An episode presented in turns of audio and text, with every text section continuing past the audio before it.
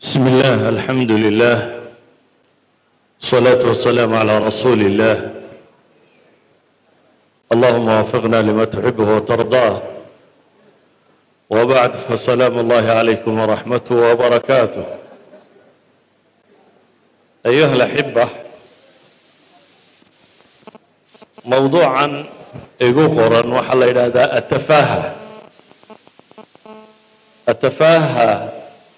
afka carbeed waa shay tilmaamaya incidaami alqiima walahmiya. Shaygu inuu qiimo la' yahay ama mudnaan aanu lahayn si kale waxay yidhaahdaan waa wax tilmaamaya albalaada walghabaa. Haddaan soo koobno waa wax sheegaya qof bini aadama oo madhan qof bini aadama oo madhan ama macnola aan qiimo lahayn. Mawduucan waxaa laga yaabaa intiisa badan inaan akhriyo axadulikhwa idinla joogaa jeedinaya laakiin. Mawduucu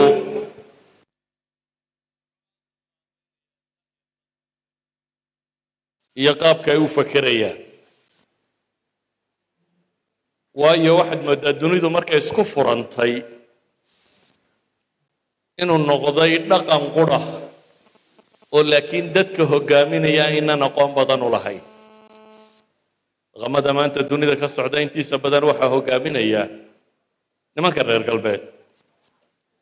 Yurub qarnigii sagaaliyo tobnaad waxaa soo bilaabmay philosophigan la yidhaahdo existentialist ama falsafa alwujuudiya waa falsafad doonaysa inay ilaahay dafirto waa waxaana iminka maqashaana in badan lagu dhawaaqay humanismka la ydhaahdo bini aadamtinimo bini ilaahay iyo jiritaankiisa iyo aakhire iyo jiritaankeeda iyo waxaasoo dhan inta laga tago la dafiro. Ayaa waxaa la rabaa dunida in dhaqan uu bini aadamku isagu samaysto min sancihiya in la sameeyo. Wixii la doonaa markaa ah lagu magacaabo aragtidaasi yurub bay qarnigii sagaaliyo tobnaad xoog u hirgashay gaar ahaan filosofakii denmarkiska ahaa ee soren shirkagod markuu bilaabay inuu waxaan qoro isagoo weliba isagu isqarinayo anderbenem ku qoraya magac mustacaara aan magaciisa rasmiga ah isticmaalaynin. Waayo wakhtigaa kiniisadda dowladda ka mid ahayd oo uu cabsanayay. Muddo markay socotay laba falsafadood oo kale ka sii dilaacay. Mid waa nin markii dambe waashayba laakiin falsafadiisuna waalida unay ahayd oo frederick nitch la yidhaahdo oo jarmal ah. Nimankani intooda badani waana falasafa waana udabaa waa niman gabya oo maansayahanaa oo riwaayadaha qora oo linguistica waxaa ka warrama isla markaana philosopherisa nits wuxuu bilaabay falsafo lagu tilmaamo abserdism maya nihilism waxay yidhaahdaan ama nihilism. Luga alcarabiya waa alcadamiya waa noloshu inaan wax valuyo wax qiimaa lahayn waxba jirin wax walba wuu dafiray wax walba wuu dafirsan yihi waxaa ka dilaacay talo maxaa qolyahaan u sheeg sheegayaa gaalada habaarka qaba. Mid aan dhaamin oo faransiisa oo albert camu la yidhaahdo oo isna markaa hogaaminaya falsafo lagu tilmaamo alcabathiya absedism waxa u calaamada falsafadooda nin dhagax weyn sida oo la yidhi buur kor. Oo markuu cabbaar koraba dib u soo dhacaya oo dabeetana shaqadaa u wadaya. Shaqadanuu sheegaya waa maxay. Waxay leeyihiin bini aadamku jiritaanka ma fahmi karo. Waxa ku abuuran inuu values iyo dhaqan iyo qiimo iyo ilaah iyo akhriye wax raadiyo se natiijo ma gaadhayo. Marka waxaynu wadnoo dhamme waa cabath gaaladan isu awowga ee isku abtirsatay ee saddexdan filosofi aan sheegayo oo qaarkood nobel brice lagu siiyey waxaasi oo adab iyo falsafa wada socdo ah. Maxaan u tilmaamaya dudub ahaan waxay leeyihiin noloshu. Ilaah ma jiro oo aakhira ma jirto oo qiyam iyo values bini aadamku uu leeyahy ma jiro oo wanaag ma jiro oo shar ma jiro. Oo maxaa jira hadda? Waxaasoo dhan waa dafirsan yihiin dabeetana waxay leeyihiin maa macna alxayaa? Noloshu maxay qiimo leeday qaarkood waxay leeyihiin markaa kuwaasi jawaabahoodu qiimo ma lehe qofku ha iska ictizaalo meelihiisaa intuu fadhiisto ha fekero. Qolana waxay leeyihiin noloshu waa cabate ha la dheelo waa dheeldheelkaa un qiimo kaloo ka dambeeyaa ma jiro. Labadaa waxaa u cagsiya wixii diin aaminsan u nisbo sheegata alle iyo aakhira inuu jiraan falsafadaasi muddo markay socotay dagaalkii labaad ee dunidu markuu dhammaaday bay midho keentay way midho dhashay. Waxay isu beddeshay dhaqan iyo suluuku bulshooyinku ay ku dhaqmaan. Awal aaraa falsafiya oo bugaa ku qoran bay ahayd. Laakiin marka kan waxay isu beddeshay dhaqan iyo suluuk iyo organizations iyo system iyo nidaamo ilaa xadda dhowaan laba kun iyo shan iyo tobankii baa filosof faransiis ah oo kuiba ku dhashay baa wuxuu qoray. Buugga afka faransiiska ku qoroo la yidhaahdo nidaamu tafaaha baa la yidhaahdaa. Betiness system oo wuxuu tilmaamaya dunida dadka maamulaa inay yihiin tawaafihdi. Inta xidigaa u aana inay taafih yihiin tafaahadii baa system laga dhigay buu leeyahy adduunku systemku u socdaa. Waa system ah dadkii bilaa macno ahaabaa siyaasadda u haya. Dadkii bilaa macno ahaabaa dhaqaala u haya. Dadkii bilaa macnahabaa hogaaminaya aadanuhuna waa inuu u noolaadaa. Si aan macnoba ku jirin.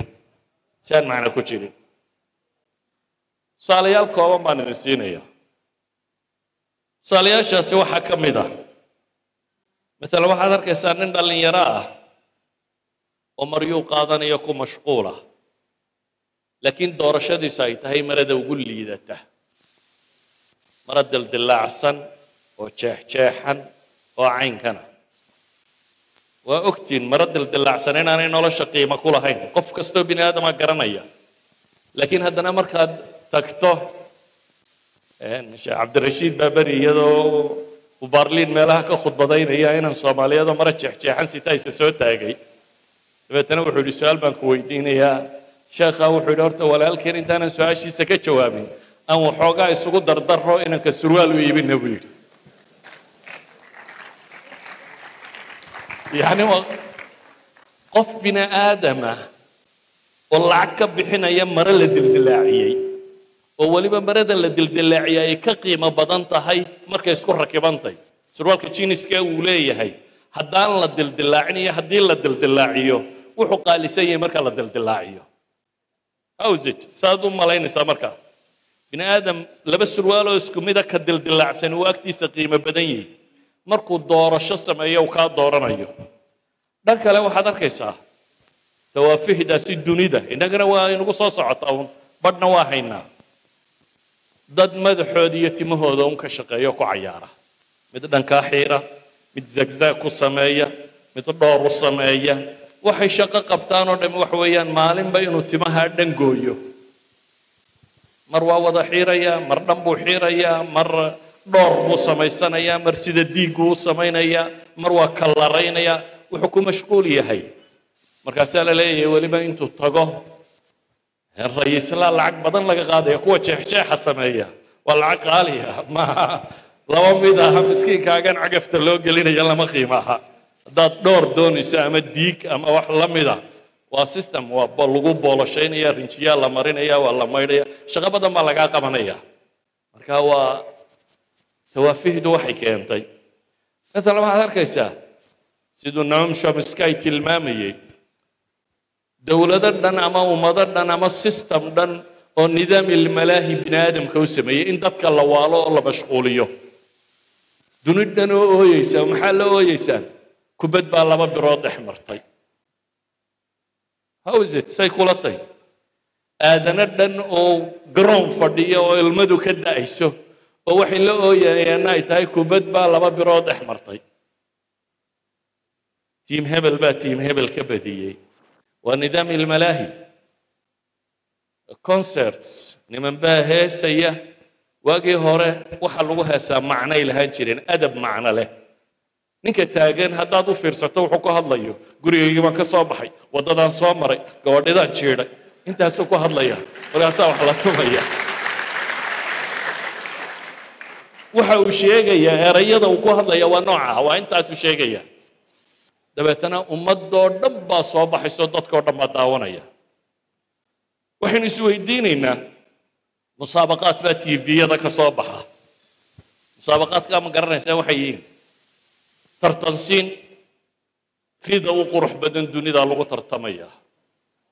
Markaasaa muxalliliini soo fadhiisanaysaa daymada soomaad arkaynin ridatan iyo say u qurux badnayd bilyanuu ku helayaa ribaa qurux badan eyga dunida u qurux badan leh rida dunida u eegmada fiican leh. Aduu qiyaas bini aadam ka shaqaynaya oo lacag lagu bixinayo oo inta la ysugu yimaado ri iyo dibi iyo sac iyo ey iyo wax la mida laga warramayo. Waxay idhahdaan waxaa soo kordhay waxay ku tilmaamaan celebrate worships. Dadka caanka ah oo la caabudo qof baa baxaya shaadh iyo surwaal iyo koofiyad magac ku qoran yahay mujarad inuu magacaasi ku qoran yahay buu ka qiimo badan yahay dharka kale oo dhan. Waxay tilmaamayeen saraawiil imika maydaan arag dabada laga xidho. Waxaa la rabaa nigiska brandkiisa in lagu tuso. Waa nigiskii beckham xidhnaa ama xidhnaa ama christiana xidhnaa. Si laguu tusiyo hebel nigiskiisa aad u xidhato waa in surwaalka hoos loo yaro dhigaa dabeetana brand nameka nigisku waa inuu muuqdaa noloshu markay xadkaa gaadho dadkaa tawaafihida aad arkayso waa la buunbuuninaya la buunbuuninaya la buunbuuninaya ilaa ay noqdaan mararka qaarkood ilaahyo la caabudo. Tusaale basiita maalin dhoweyd nin kubadda cayaara oo ronaldo cristiano ronaldo la yidhaahdo. Ayaa soo fadhiistay. Wuxuu rabaa inuu warbixin dhiibo. Laba midhoo coca-coolo hortiisa yaalluu ka qaado dhulkuu dhiga. Stock marketkii coca-cola four bilyan buu khasaaray. Laba boqol iyo laba iyo afartan bilyan bay joogtay. Laba boqol iyo siddeed iyo soddon bilyan bay noqotay. Cristiano ronaldo muxuu yihi waa waaxid taafih aakhiriya adduuntoona wax kuma soo kordhin kubadduu laada yaqaanaa laakiin. Ninkaa kubadda laada yaqaanaa hadduu koolaha dhulka dhigo oo biyuu saaray ayaa shirikaadkii dunida ugu waaweynaa mid ka midi afar bilyan oo lacaga khasaartay. Waa tawaafihda sida loo buunbuuniye loo buunbuuniye loo buunbuuniyey bay ku tusinaysaa. Laakiin kaasi waa madaahirtee maxaa ka dhashay waxaa ka dhashay in dunida suicideku ku bato. Dadku ay garan waayeen waxay u nool yihiin. Ilaa yahu ay tilmaamto boqolkiiba afartan. Maxaa la yidhaahdaa afartankii secondba qof bini aadami inuu isdilo. Oo weliba dadkaasi waa western worldka. Dunidan saddexaad iyo dadkan gaajaysan wax badan maaha. Waa dunida horu martee la sheegayo. Afartankii second kastaba in qof isdilo waxaa soo baxay self injury disorders waxay yidhaahdaan. Qoladan acsaabta ka shaqaysa iminka xanuuna ay daweeyaan baa jiro la yidhaahdo nssid waa self injury disorders waa non suicidal self injury disorders. Waa maxay? Waxa soo batay dad kale noloshu markay macno beeshay isagaa isku ciilbaxaya. Markaa wuu isjaraya ama bir buu intuu dabka geliyo heat branding wuu isku calaamadinaya. Ama markuu nolosha ka quusta buu qolo midiya haysata intuu tagaa buu odhanaya sawirra igu dhiga. Kuwan cayaaro soomaydan aragay jidhkoodu wada sawirka madow yahay. Waa systemka kan. Waa qof raba nolosha si uu uga raysto inuu ku ciilbaxo jidhkiisa. Waa la daldaloolinaya waa la sawiraya. Sawir baa lagu dhejinaya waxay sameeyaan qaarkood madaxay derbiga ku garaacaan way isdhaawacaan nabarrada caadigaa bay u diidaan inuu bogsado. Qof nabarkii ku yaallay ka fujinaya mar kastaba si aan uu bogsanin. Waayo wuxuu ku leeyahay xanuunkan baan rabaa inaan ku ilaabo. Dareenka madaxa iga haya aad dunidu inay bilaan nolol tahay. Nolosha macno darrideeda alam aan isku ilowsiiyaan u baahanahay darfar wuu iskoogoynaya dadka bay dhahaan self harminka sameeya ama self headka dadka iyagu isdhaawacaa toban jeer ilaa labaatan jeer bay ka badan yihiin kuwa isdila.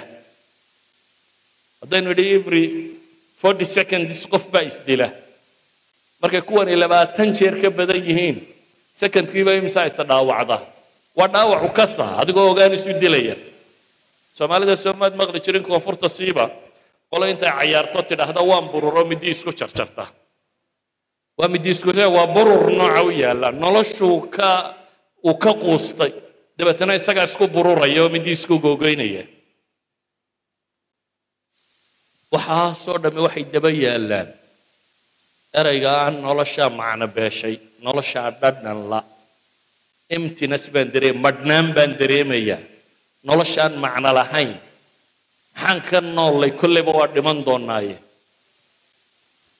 ilaahayna subxaana wa tacaala qur-aanka wuxuu ku tilmaamaya iyadoo fudud waman acrada can dikri faina lahu maciishatan danka baa ilaah yidhi ciddii ka jeesata aniga xuskayga waxay leedahay maxay nololo aad u cidhidhiya baa ilaha yidhi waman yacshu can dikri الraxmani nuqayid lahu shayطaana fahuwa lahu qariin ilaahay weynidiisa iyo xuskiisa iyo nolosha jidku u dhigay kajeesigeedu waxay tilmaamaysaa baa la leeyahy kaa shaydaan baa lamaano looga dhigaa shayaadiin baa waxaan u waxyoota walidaalika baa qur-aanka faataxada ducada ilaahayna baray maalin walba inaynu idhaahnaa waa maxay waa inaynu nolosha macnaheeda fahmniyo xagga loo socdo ihdina asiraata almustaqiim siraata aladiina ancamta calayhim غayr المغضوب عليهم ولا الضالين maalin kasta baa laynidhi waxaad salaad tukanaysaan oo dhan ku ducaysta ilow jidka qumanna tus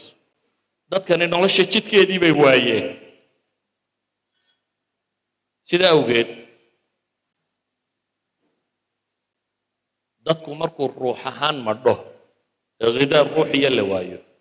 Ilahay qur'aanka wuxuu inoogu tilmaamayaa laqad anzalnaa ilaykum kitaaban fiihi dikrukum afalaa tacqiluun?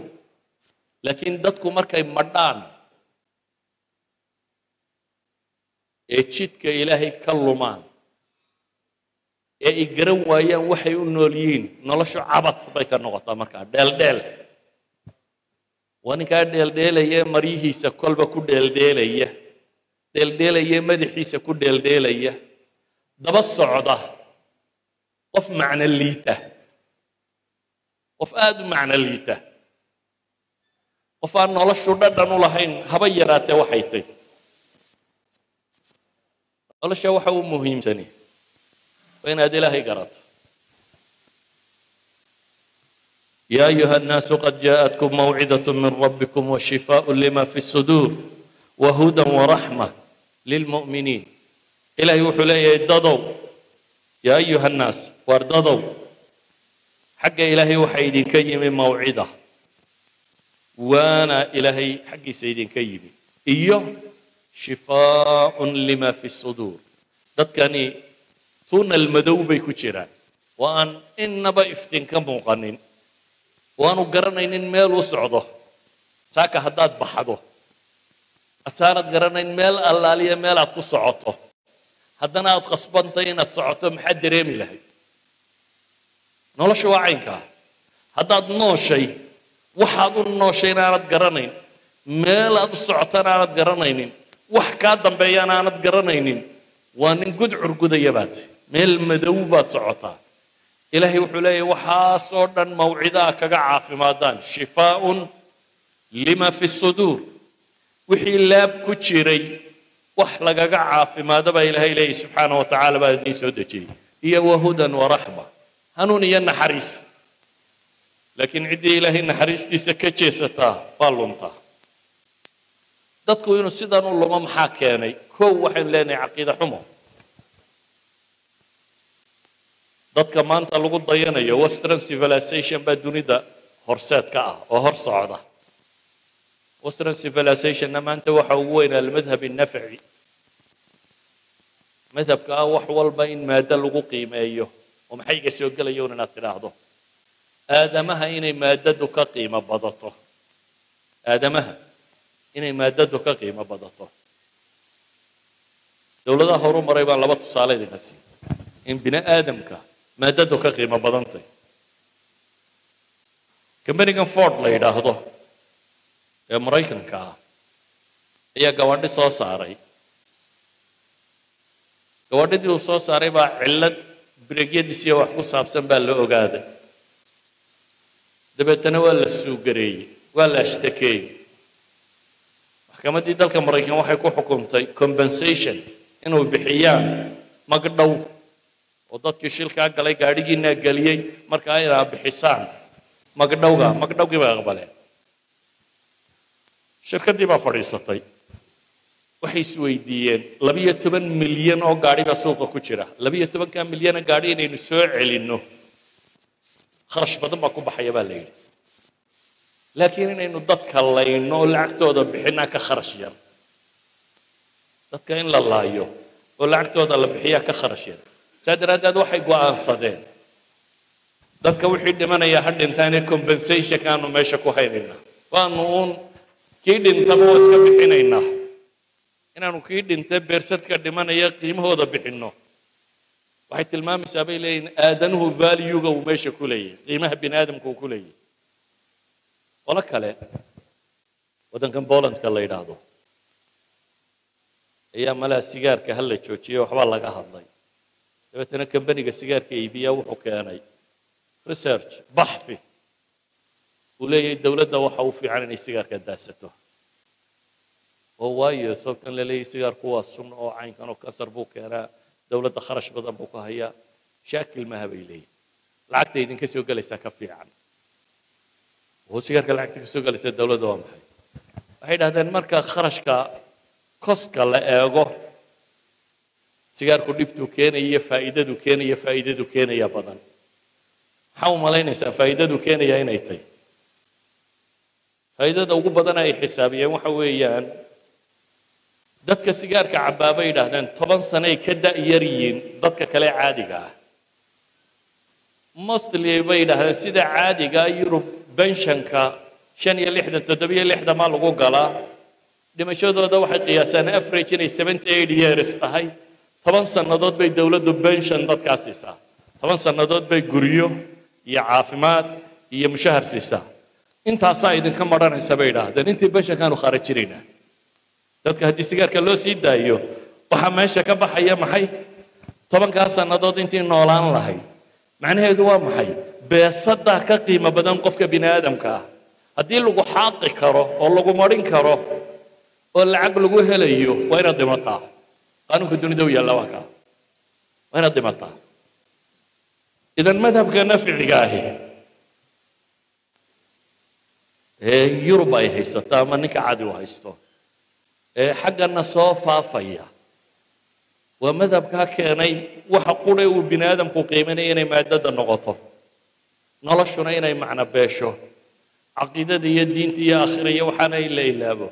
Ilaahayna wuxuu ina leeyaha faman yamshi mukiban calaa wajhihi ahda aman yamshi sawiyan.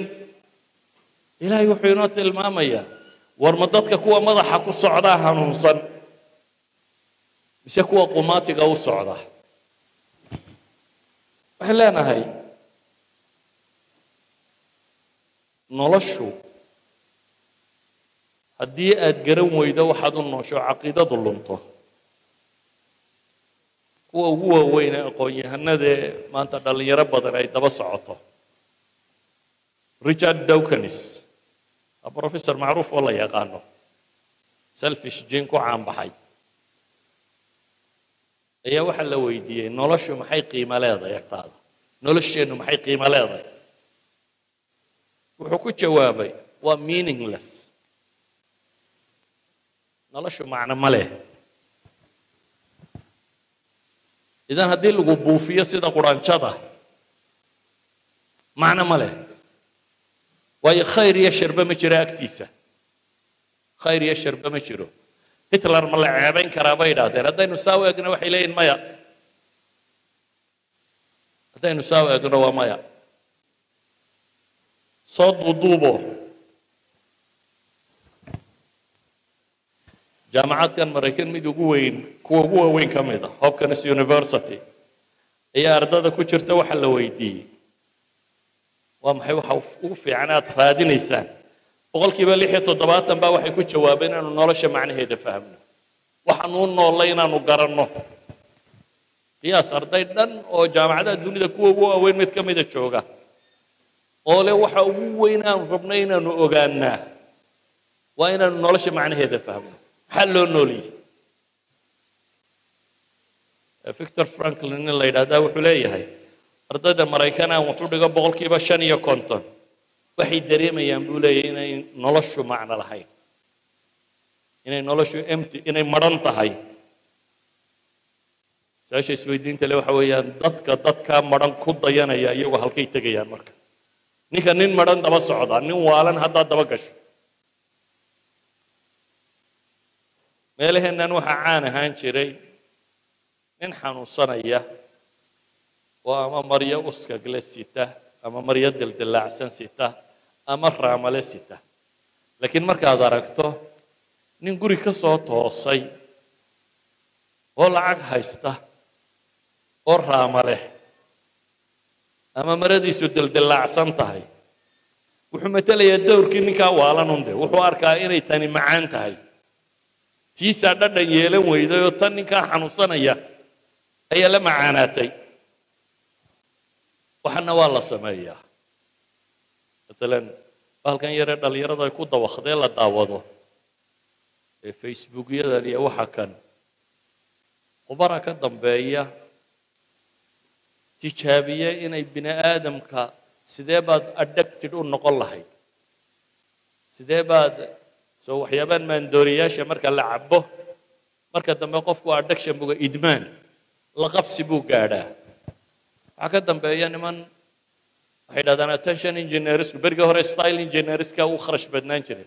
Attention engineerska imanka ka kharash badan bay dhahdaan style engineerku waa kuwa naagaha iyo ragga kolba dhinaca qaawiya ee maryaha u dildilaaciya. Iminka kuwa waxa ka lacag badan injineerada bay dhahdaan attention engineerska kuwan dadka maankooda gada. Waxay leeyihiin waa engineering ah qofka inta halkaa la qabto ama halkaa lagu dhego in bini aadamka la wadi karo. Sideen dadka u wadi karnaa raqma anfihi.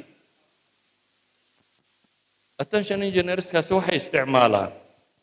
Waxay ku tilmaamaan behavioral psychology waxa dhaqanka bini aadamka psychologyga ku saabsiisan. Dabeetana waxaa la isku dayayaa sidii dhaqan lagaagaga dhigi lahaa waxaa inaad ku dhegto aanad ka foqin khubaraha meel u fadhida sidaad addicted u noqon lahayd sidaad mudmin u noqon lahayd waanay ka dhigeen runtii dad badan maanta waxaa laga yaabaa inaanu gam'in haddaan mobilku dhinaciisa oolin bale waxaa laga yaabaa habeenkii hadduu baraarugo inuu eego bal waxii soo dhacay intii hurday waayo waxay gaadheen darajo ah inaanu noolaan karin inuu facebook gala mooyaane. Dadka ugu badan ee la daawanayaana maxay yihiin? Waa kuwa bilaa macnaa. Ah masalan cristiano ronaldo. Instagramkiisa saddex boqol oo milyan oo bini aadama flowerka ah ayaa daba socda. Muxuu ku soo kordhinayaa aqoonta uu dunida u wada ee uu soo kordhinaya maxay tahy ee saddex boqol oo milyan oo bini aadam ay ugu xidhan yihiin ee u daba socdaan wuxuu soo qoraba ay eegayaan. Xaqiiqadu waxa weeyaan indhahan maaha bini aadamku meeshuu beelaa ee kuwa la beela waa kuwa kan da-yar badan oo maanta hargeysa iyo dhulkan degan waxaad mooddaa inay beelayaan indhaha hoose. Inay diin iyo qiyam iyo caqaa'iday rumaysaneen inay lumayaan inay milmayaan. Waa imka hargeysa haddaad dhex marto. Waxaan is leeyahy dhallinyarada inta dhafoorka xiran laa ka badan intaa caadiga u xiran. Haddaan labadaasi dhinac dhigo haddaad weydiiso maxaad u xiratayna qofka jawaabi garanayma waxa laga yaaba inku idhaahdo waa styleka dambe. Waa qaabka dambe. Wax ka rooreed inuu idhahdo waa waalida dambe. Koox waalatay oo nooca kana ayaa sidan madaxooda ugu faygaray anna waan ku faygaray inuu yidhaahdaaba ka roonay ayuha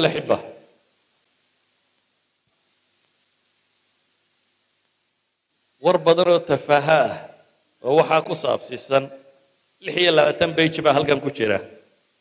Oo ninkaa baasha diyaariyay uu ii dhiibay. Bages waxaa ka warramaya. Laakiin waxaan is tafaaha intaas idinkaga filan. Madhnaan intaas idinkaga filan. Laakiin waa inaynu isweydiino maxaa dawa? Ah agteenna waxaa qiimuhu ku yaraaday ilaahay kitaabkiisa. Kitaabkan waxaa soo dejiyey rabu samaawaati walard ilaaha caliimun khabiirka ah. Dunida tan dhisay. Waxa u fiican garanaya. Aadanaha abuuray. Waxa ku habboon garanaya. Intaynu kaa dhinac marro. Ayaynu waxaynu raacaynaa. Aadanaha kuwii ugu liitay iyagu ay ka qaylinayaan. Almadhab alcabafi maala filosofiyada rumaysan filosof jek ku dhashay baa jira oo afka faransiiska wax ku qora. Riwaayad buu leeyahy uu qorayo buwagta caanka oo la yidhaahdo xaflatu tafaaha baa la yidhaahdaa. Xaflatu tafaaha.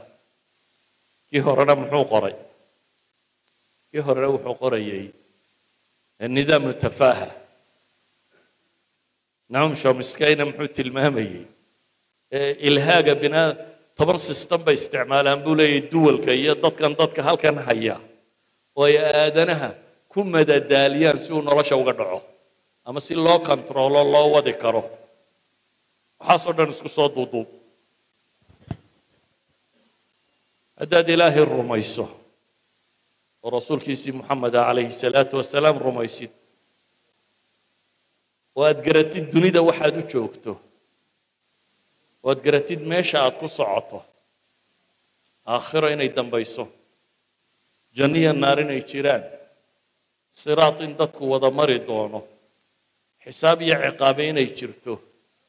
Konton kunoo sannadood in meeshaa la taagnaan doono. Bini aadamku dheeldheelkaba uu iska dayn lahaa. Awgeed buu nebigu wuxuu leeyahy waxaan ogahay haddaa og tihiin in badan baa ooyi lahaydeen. In yarna waa qosli lahaydeen buu nebigu tilmaamaya calayhi salaatu wasalaam haddii caqiidadeennu ay sii dunto oo badiilku uu noqdo weliba da'yartaan sheegaya da'yartu bahalkan ay galeen iyagoo madhan bay galeen dabeetana dad madhan bay la kulmeen qofku hadduu caqaa'idiisa iyo diintiisu dhisantay ma lumo hadduu dhisan yahay ma lumo. Waayo wuxuu rumaysan yahay inuu isagu rabu samaawaat wuxuu sheegay hayo. Saxaabadii nebi maxamed falsafad may aqoon oo cilmi maadiya may aqoon oo saxaaraha carbeed bay ku koreen. Laakiin waxay caqiidaysteen inay sidaan rabu samaawaati walardi kelmadiisii. Sidaa ogeed bay aadanaha inta kale waxay u arkayeen dad u baahan gacan qabasho ay gacan qabtaan. Ama filosof ha ahaado ama boqor ha ahaado ama mid waxasta ha ahaadee waxay u arkayeen dad lunsan dad indhala oo cid usha u qabata u baahan.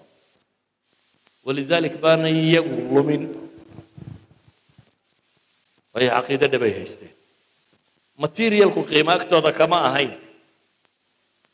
Dadka hadday adduunku agtaada uu ku weynaado kuwa qiimaha beelay baad ku biiraysa adduun waxay ka joogeen. Rabciy ibni caamir baa waxaa la yidhaahdaa. Markii ay bershiya furteen imaam abulxasan الnadawi baa wuxuu soo naqlinayaa. Bershiya markii la furtay gurigii boqortooyada ee madaa'in markii la galay cunadii loogu tegay waxaa ka mid ahayd kimis si yaroo khafiifa loo sameeyey. Dabeetana qoladani dee waa kii saxaabadu caaisha markii la weydiinaya la yidhi nebigu calayhi salaatu wasalaam daqiiqdan la hufay ma cunay. Maba arag shaandhadaba maanaan arag bay tidhi. Tan lagu sameeyo ee lagu kala shaandheeyaba maanan oqoon bay tilmaamaysay. Markay meesha tageen manaadiil bay moodeen wixii faraha la iska marinayay moodeen waana cuno kimis bay isku dayayaan buu le waa abulxasan inadow ninka soo naqlinaya. Nimanka khubuska meesha saaran moodaya mindiil faraha la iska mariyaa ayaa haddana dowladdii dunida ugu xooga badnayd carshigeedii dul fadhiya. Oo qabsanayay. Waayo ilaahay bay rumaysnaayeen. Ilaahay markay dhab u rumeeyeenna nolosha adduunna wuu ugu gargaaray. Ta aakhirana wuu ugu gargaari doonaa. Laakiin dadku hadduu ambado hadduu dadku ambado oo uu diinta ilaahay ka ambado cidda uu dabagalee soo hadhaysaa waa kuwa waa brofesaradii ugu waaweynaaye joogay oxford iyo cambridge iyo jaamacaday ku faanayeen. Kuwaa lihi noloshu waa meaningless. Kaa nolosha meaningless u haysta haddaad ilaahay dhaafsiisato. Ilan waa kaa warkiisa kaad ilaahay dhaafsiisanaysaa kaa haddaad ilaahay dhaafsiisato aakhiriya adduunba waad cidhib beelaysaa tafaahada rasmigaana waad ku dhacaysaa inaad qashin noqotaan tabac u ah mid qashina isaguna. Waxaan jeclahay inaan iska soo koobo. Maxaan ku koobayaa inaynu dib u xisaabtannaa baynu u baahan nahay. Oo diinteenna dib ugu noqonno. Oo caqaa'ideenna dib ugu noqonno. Oo garanno waxa ugu muhiimsan ee dalkan iyo dadkani uu haystaa inuu yahay kitaabkaas ilaahay siduu isaga u xifdin lahaa ee u baran lahaa ee ugu dhaqmi lahaa in loo noqdo. Intaasaan ku soo koobaya. Wsala allahuma calaa muxamedi wcala alihi wasaxbihi wasalam alxamdu lilah rabbi alcaalamiin